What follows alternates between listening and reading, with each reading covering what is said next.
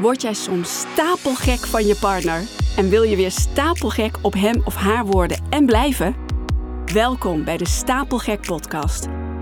En je kunt niet elke dag gelukkig zijn. Je hebt ook momenten of dagen of perioden die heel ongelukkig zijn. Ik heb er eerder trouwens een podcast, een aflevering over opgenomen hoe je negatieve gevoelens kunt switchen. Mijn naam is Sharon Overweg en ik ben relatietherapeut voor topondernemers en hun liefdespartner. In deze podcast ga ik met je hebben over het mooiste, maar misschien wel het moeilijkste en het meest gecompliceerde dat er bestaat. Jawel, de liefde. Deze keer een aflevering over gevoelens. Wauw, eng, gevoelens. Nee, het is niet eng. Gevoelens hebben we allemaal en we hebben positieve gevoelens en we hebben negatieve we hebben prettige gevoelens en we hebben onprettige negatieve gevoelens. En in deze aflevering, ik ga er maar meteen met gestrekt been in, wil ik het met je hebben over de negatieve, de onprettige gevoelens. En waarom? Omdat we ze allemaal hebben. Allemaal. En we zijn er niet blij mee als we dat voelen. We willen geen onprettige gevoelens. We willen ons blij voelen en gelukkig en liefdevol en vrolijk. Maar die onprettige gevoelens, die horen er ook bij, hè? zoals boosheid en eenzaamheid teleurstelling, verdriet. Nou ja, er zijn heel, ik ga ze niet allemaal opnoemen, er zijn honderden onprettige gevoelens te noemen. Ga ik niet doen. Maar we kennen ze allemaal. En ja, we willen ze niet, want dan proberen we ze weg te drukken als een soort bal die onder water moet blijven. Maar dat heeft helemaal geen zin, want als je dat gaat doen, vroeg of laat plopt die bal boven water en komt het weer als een boemerang naar je terug, maar dan in een verergerde versie vaak. Dus het heeft helemaal geen zin om die negatieve gevoelens weg te drukken. Waarom heb ik het hier vandaag over? Ik merk op dat er toch wel een soort van taboe opheerst. We, je hoeft, je, je, telefoon, je computer maar te openen, de bladen open te slaan. Het gaat allemaal over een gelukkig leven. We moeten allemaal gelukkig zijn, eh, de beste versie van jezelf zijn. En ja, dat is natuurlijk heel fijn. Dat streef ik ook na. Maar dat betekent niet dat elke dag een leuke dag is. Of dat ik elke dag de beste versie van mezelf ben of wil zijn. Soms dan is het ook nodig dat je. Je hebt ook dagen nodig die niet zo leuk zijn. Ik geloof heel erg in contrast. Je hebt geen wit zonder zwart. Je hebt geen bewolkte dagen zonder zonnige dagen. Je hebt geen water zonder vuur. En je kunt niet elke dag gelukkig zijn. Je hebt ook momenten of dagen of perioden die heel ongelukkig zijn. Ik had er ook een handje van om dat onprettige gevoel dan weg te duwen. Van dat mag er niet zijn. Dat heeft ook een reden. Mijn moeder, die leeft nu niet meer, maar die heeft een verleden. Die had een verleden van depressies. Zware depressies. Dus ik, heb, ik weet nog heel goed op Oudejaarsavond, ik was 14 jaar, in 1989 dat wij naar de oudejaarsconferentie keken van Joep van het Hek. En ik had daar flink de pest in, want ik wilde eigenlijk met vriendinnen oudejaarsavond vieren. Maar dat mocht ik toen niet van mijn vader, van mijn ouders niet. Want uh, die hadden zoiets, nou op dit soort dagen hoor je bij je ouders te zijn op dit soort momenten. Nou ja, dat vond ik, had ik echt zwaar de pest in. Dus ik zat al met een uh, lang gezicht op de televisie. Naar die oudejaarsconferentie, daar gingen we weer. Naar de oudejaarsconferentie van Joep van het Hek aan het kijken. en hij zong daar het lied het laatste uur. Volgens mij heet het zo, het laatste uur. Of niemand weet hoe laat het is. Nee, volgens mij heet het het laatste uur. En Joep van het Hek heeft dat lied niet geschreven voor een meisje van 14, maar het kwam binnen. Het kwam zo recht mijn hart binnen. Ik schoot er van vol. Ik weet nog hoe ik naar boven rende, naar mijn kamer. Ik was er helemaal. Ik, ik, het raakte me enorm. Ik, je moet het maar eens luisteren. Ik zal het delen in de show notes. Dat lied gaat over iemand die heel bang is om, uh, om dood te gaan. En die elke dag bang is dat hij overreden wordt of dat hij ziek wordt. En uiteindelijk blijkt hij toch heel oud te worden en blijken al zijn angsten voor niets geweest. En Joep zingt dan van: En niemand weet hoe laat het is, dus we moeten lachen en we moeten dansen en we moeten vrijen. Ja, ik vind het nog steeds een heel mooi lied. En ik denk dat ik toen onbewust heb besloten, misschien ook wel bewust van ik ga alles uit het leven halen. Ik ga genieten. En ik ga leven alsof het mijn laatste dag is. Nou, dat heb ik geweten, want ik ben 14 jaar lang heel moe geweest. Ik had echt last van FOMO, fear of missing out. Ik wilde niks missen. Ik vind ook alles leuk. Hè. Ik vind heel veel leuk, niet alles. Heel veel. Dus ik kon ook nergens nee tegen zeggen. En daar word je ook heel moe van. Van al die leuke dingen word je ook heel moe. Dus ik heb gaandeweg moeten leren om nee te leren zeggen. En om voor mezelf te bedenken, waar word ik nou echt blij van? Maar dat, ja, dat komt dus wel echt daardoor. Door die depressies van mijn moeder. Ik heb, iemand heeft ooit eens tegen mij gezegd tijdens een opstelling, familieopstellingen, van jij leeft niet alleen voor jezelf, jij leeft ook voor je moeder. En zelfs voor de rest van je familie die er niet meer zijn. Je moet weten, ik heb een Joodse achtergrond, wij zijn Joods, dus er is heel veel vermoord in de oorlog. En dat kwam zo bij mij binnen. En ik weet niet of ik leef voor al die familieleden die er niet meer zijn, zo heb ik dat nooit gevoeld. Maar dat ik leef voor mijn moeder, die kwam wel binnen, die resoneerde wel. Dus op het moment dat ik dan negatieve gevoelens, hè, onprettige gevoelens voelde, wilde ik dat ook altijd bedekken. En dan, hè, dat mag er niet zijn. Dat, dat, dat zonde van de tijd. En ik weet nu, nu ik relatietherapeut ben, maar gelukkig al jaren daarvoor, dat heeft geen zin. Gevoelens zijn er niet voor niets. Ze hebben je echt iets te vertellen. Ik wil je eigenlijk een opdracht geven al meteen voor de komende week. Het is een, uh, een simpele opdracht, betekent niet dat het heel eenvoudig is. Maar ben jij nou ook iemand die de neiging heeft om over negatieve gevoelens heel snel heen te stappen?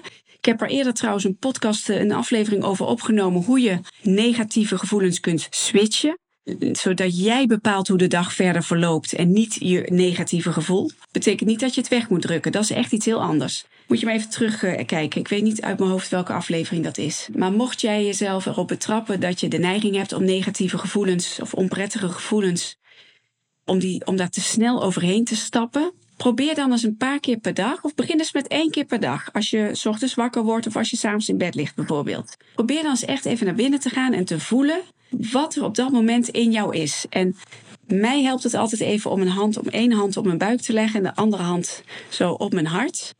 En dan even mijn ogen dicht te doen en echt even te voelen.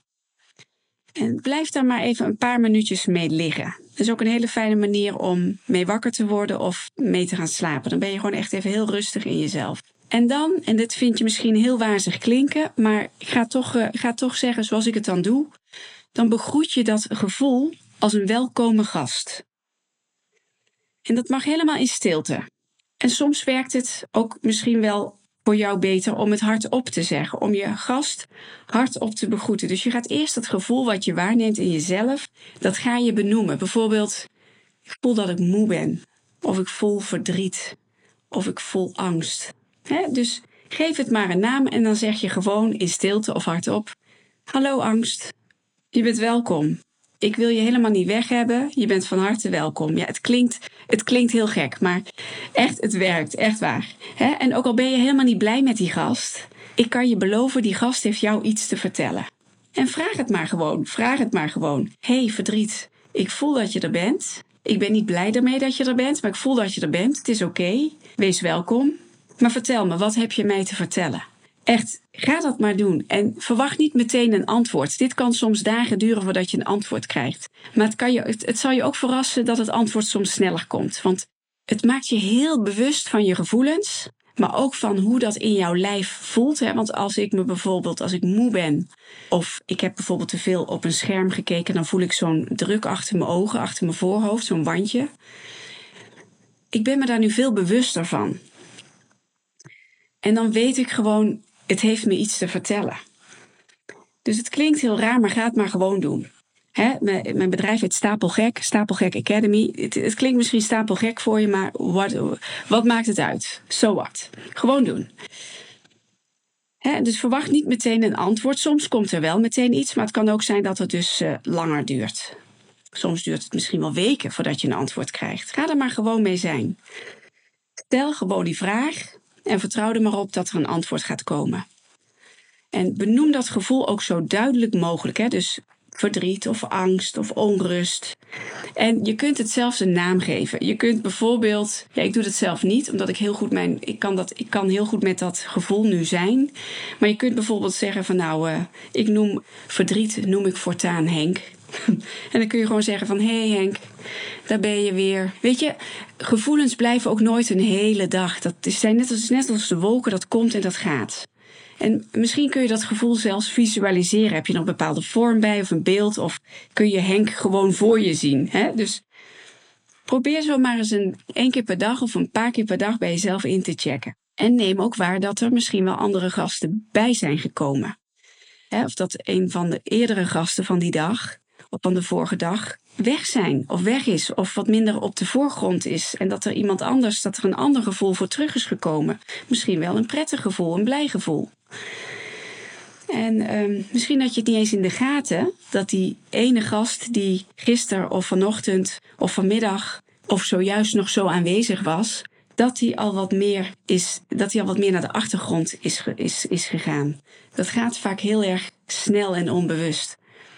En belangrijk is hierbij dat je elk gevoel welkom heet. Dus elk gevoel is welkom. Elke gast die heeft een boodschap voor jou en is er om voor jou te zorgen. Trouw er maar op. Nou, dit is een hele mooie manier om je bewust te worden van je gevoelens, maar ook van de positieve gevoelens. Natuurlijk werkt het ook met positieve gevoelens, maar daar zijn we doorgaans heel blij mee. Dit is echt een oefening om die negatieve gevoelens gewoon te accepteren, ermee te zijn en ze niet weg te duwen als een bal onder water. Want reken er maar op, het komt als een katapult, als een boemerang, komt het naar je terug. Ze zijn er met een reden en neem ze serieus. Er is ook een heel mooi gedicht wat ik ga voorlezen. Een hele mooie tekst. Het is geen gedicht, het is een hele mooie tekst. Het heet De Herberg. Zie jouw lijf maar, jouw, jouw zijn maar als een herberg. Hier komt hij. Dit mens is een soort herberg. Elke ochtend een nieuw bezoek. Een vreugde, een depressie, een benauwdheid. Een flits van inzicht komt als een onverwachte gast. Verwelkom ze, ontvang ze allemaal gastvrij. Zelfs als er een menigte verdriet binnenstormt, die met geweld je hele huisraad kort en klein slaat. Behandel dan toch elke gast met eerbied. Misschien komt hij de boel opruimen om plaats te maken voor extase. De donkere gedachten, de schaamte, het venijn. Ontmoet ze allemaal bij de voordeur met een brede grijns en vraag ze om erbij te komen zitten. Wees blij met iedereen die langskomt. De hemel heeft ze stuk voor stuk gestuurd om jou als raadgever te dienen. Dit prachtige gedicht of deze tekst is van Rumi. Ik zal hem hier delen, ook in de show notes. Ik rond hem hiermee af. Ik vind het een. Uh, ja, het is heel belangrijk om je bewust te zijn van je gevoelens, zowel de positieve als de onprettige, de negatieve. zowel de prettige gevoelens als de onprettige gevoelens. En sta jezelf toe om daarmee te zijn. Ze hebben je allemaal iets te vertellen. Goed, ik wens jou voor vandaag een hele mooie, liefdevolle dag. Goede zaken en tot de volgende. Dag, bye bye.